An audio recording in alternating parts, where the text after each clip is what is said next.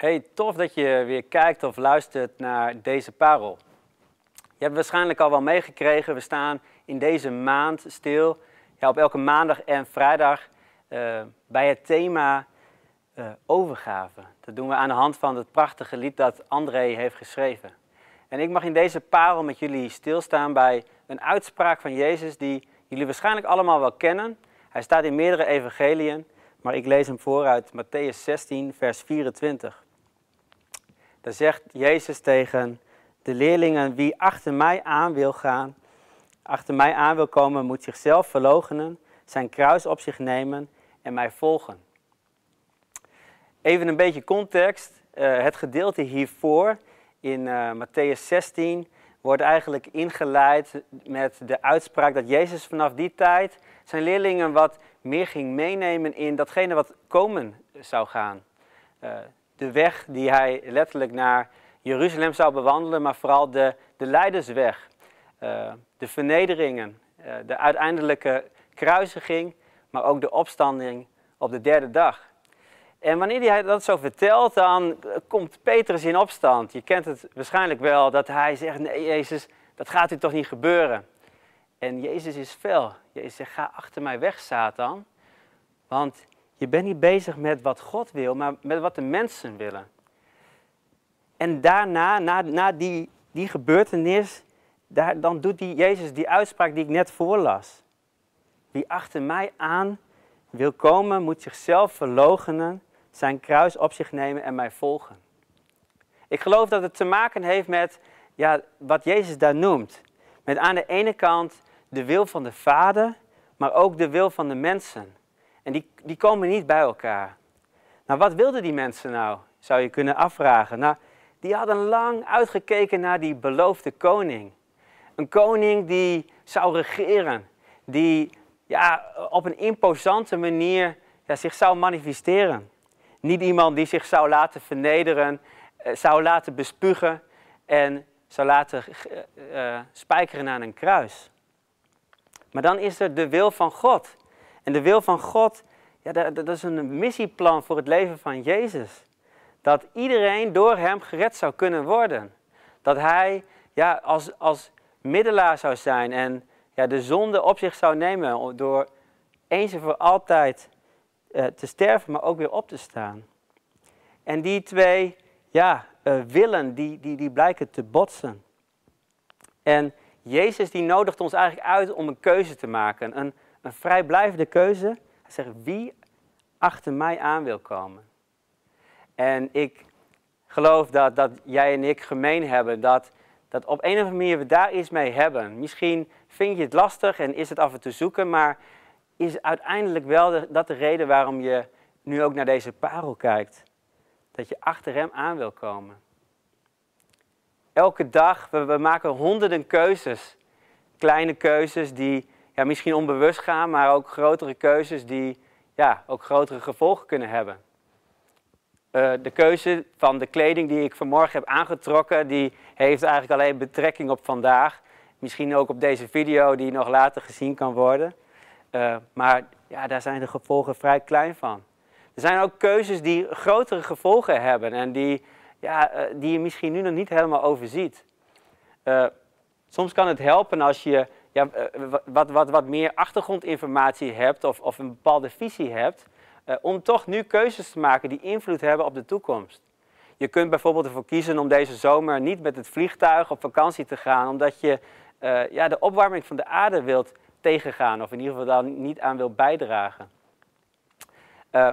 Ik heb zelf ondervonden hoe ja, ook voor mij ja, een visie op het leven ja, bepalend is geweest voor de keuzes die ik nu in het dagelijks leven maak. Toen ik in begin 2017 ziek uh, ja, bij de dokter kwam en uiteindelijk bleek dat ik diabetes type 1 uh, eh, bleek te hebben, ja, toen ging er een soort nieuwe wereld voor mij open. En toen de artsen mij vertelden wat de gevolgen zouden zijn ja, als ik het helemaal op zijn beloop zou laten, als ik ja, niet, goed, uh, niet goede voeding zou nemen of mijn waardes maar een beetje zou, ja, zou laten verslonselen, ja, hoorde ik dat dat een grote impact zou hebben op mijn gezondheid en uiteindelijk ook op hoe ik oud zou worden. En dus besloot ik al vrij snel, ik ga dit heel serieus nemen. Ik ga mijn waardes goed meten. Ik ga goed kijken wat gezonde voeding is, wat gezond drinken is. En ja, eigenlijk vormde, dat, vormde die visie, die, die, die, die een soort basis waardoor ik in mijn dagelijks leven daar heel uh, nou, gedisciplineerd ook keuzes in kan maken. En ik geloof dat dat ook kan helpen als het gaat om ons, ja, het, het volgen van Jezus. Het begint dus met de keuze, wie wil achter mij aankomen? En dan zegt Jezus eigenlijk, je moet twee dingen doen. Je moet in de eerste plaats jezelf verloochenen. Nou, wat is dat nou, jezelf verloochenen? Het is, ehm, in het Engels staat het to deny yourself, jezelf ontkennen. Dat klinkt nogal heftig. Mag jij er dan niet zijn? Moet jij jezelf afwijzen of zo? Nou, dat geloof ik niet. God heeft jou uniek gemaakt met bijzondere talenten, met een uniek karakter. En dat is helemaal goed. Maar jezelf verloochenen is eigenlijk nee zeggen tegen je eigen wil. Tegen een wil die in strijd is met God. Zoals we dat net ook zagen met die situatie uh, tussen Jezus en Petrus.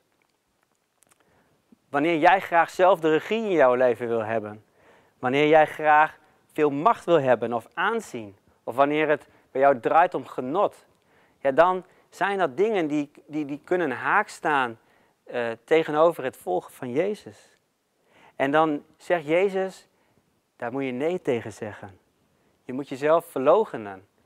En ja, eigenlijk met wie jij bent, dat, dat, dat komt ja, tot leven wanneer je het ook in dienst stelt van God. Paulus die zegt in uh, Galaten 2, ik zelf leef niet meer, maar Christus leeft in mij. Mijn oude ik, die is met Christus aan het kruis gestorven. En dat is ook de, de beeld van de doop, hè, dat je met hem ondergaat, dat je daar sterft, maar dat je ook in een nieuw leven weer opstaat. Dus aan de ene kant roept Jezus op, je moet jezelf verloochenen. Je moet nee zeggen tegen je, je eigen wil die in strijd is met Gods wil. Maar aan de andere kant zegt God ook, je moet je kruis op je nemen. En voor de leerlingen sprak dat zeker tot de verbeelding. Het was in die tijd was het de manier waarop ja, uh, mensen werden gestraft. De executie voor misdadigers die uh, eerst het kruis zelf door de stad heen moesten tillen richting Gogolta, waar ze vervolgens zelf aan dat kruis werden gespijkerd en ja, ook zouden sterven. Maar persoonlijk moet ik zeggen dat het niet heel erg tot mijn verbeelding spreekt. Ik vind het een lastig beeld. Maar toen ik daar zo in mijn voorbereiding over na zat te denken, uh, ja, geloof ik dat, dat dit ook te maken heeft met de wil van God. Daar ja tegen te zeggen. Dus wanneer je aan de ene kant jezelf verlogent en daarmee nee zegt tegen je, je eigen vijandige wil, mogen we door ons kruis op ons te nemen, ja zeggen tegen ja, de, de wil van God voor ons leven. Nou, wat is nou die wil van God? Dat is in de eerste plaats dat, dat wij uh, ja, met Hem leven. En ja, je mag je in feite identificeren met dat kruis. Dat kruis dat, dat uh, ja, symbool staat voor mensen die redding nodig hebben. Jij en ik, wij komen tekort. Wij, ja, wij hebben in zekere zin straf nodig. En Jezus heeft die straf op zich genomen. En wanneer wij dat ja, omarmen, als wij dat uh, niet alleen voor onszelf accepteren, maar ook gaan uitdragen in ons leven, ja, dan, dan zeggen we ja tegen de wil van God. En dan kan er ook dankbaarheid komen dat, dat die genade zo onverdiend, maar ja, zo zoet mag smaken. En dat we mogen leven vanuit de opstandingskracht die God in ons heeft uitgestort. De uitspraak waar ik mee begon, die staat ook in Lucas, in Lucas 9. En daar staat een kleine, uh, een kleine eh, verschil. Daar spreekt Jezus namelijk over dat we dagelijks het kruis op ons moeten nemen.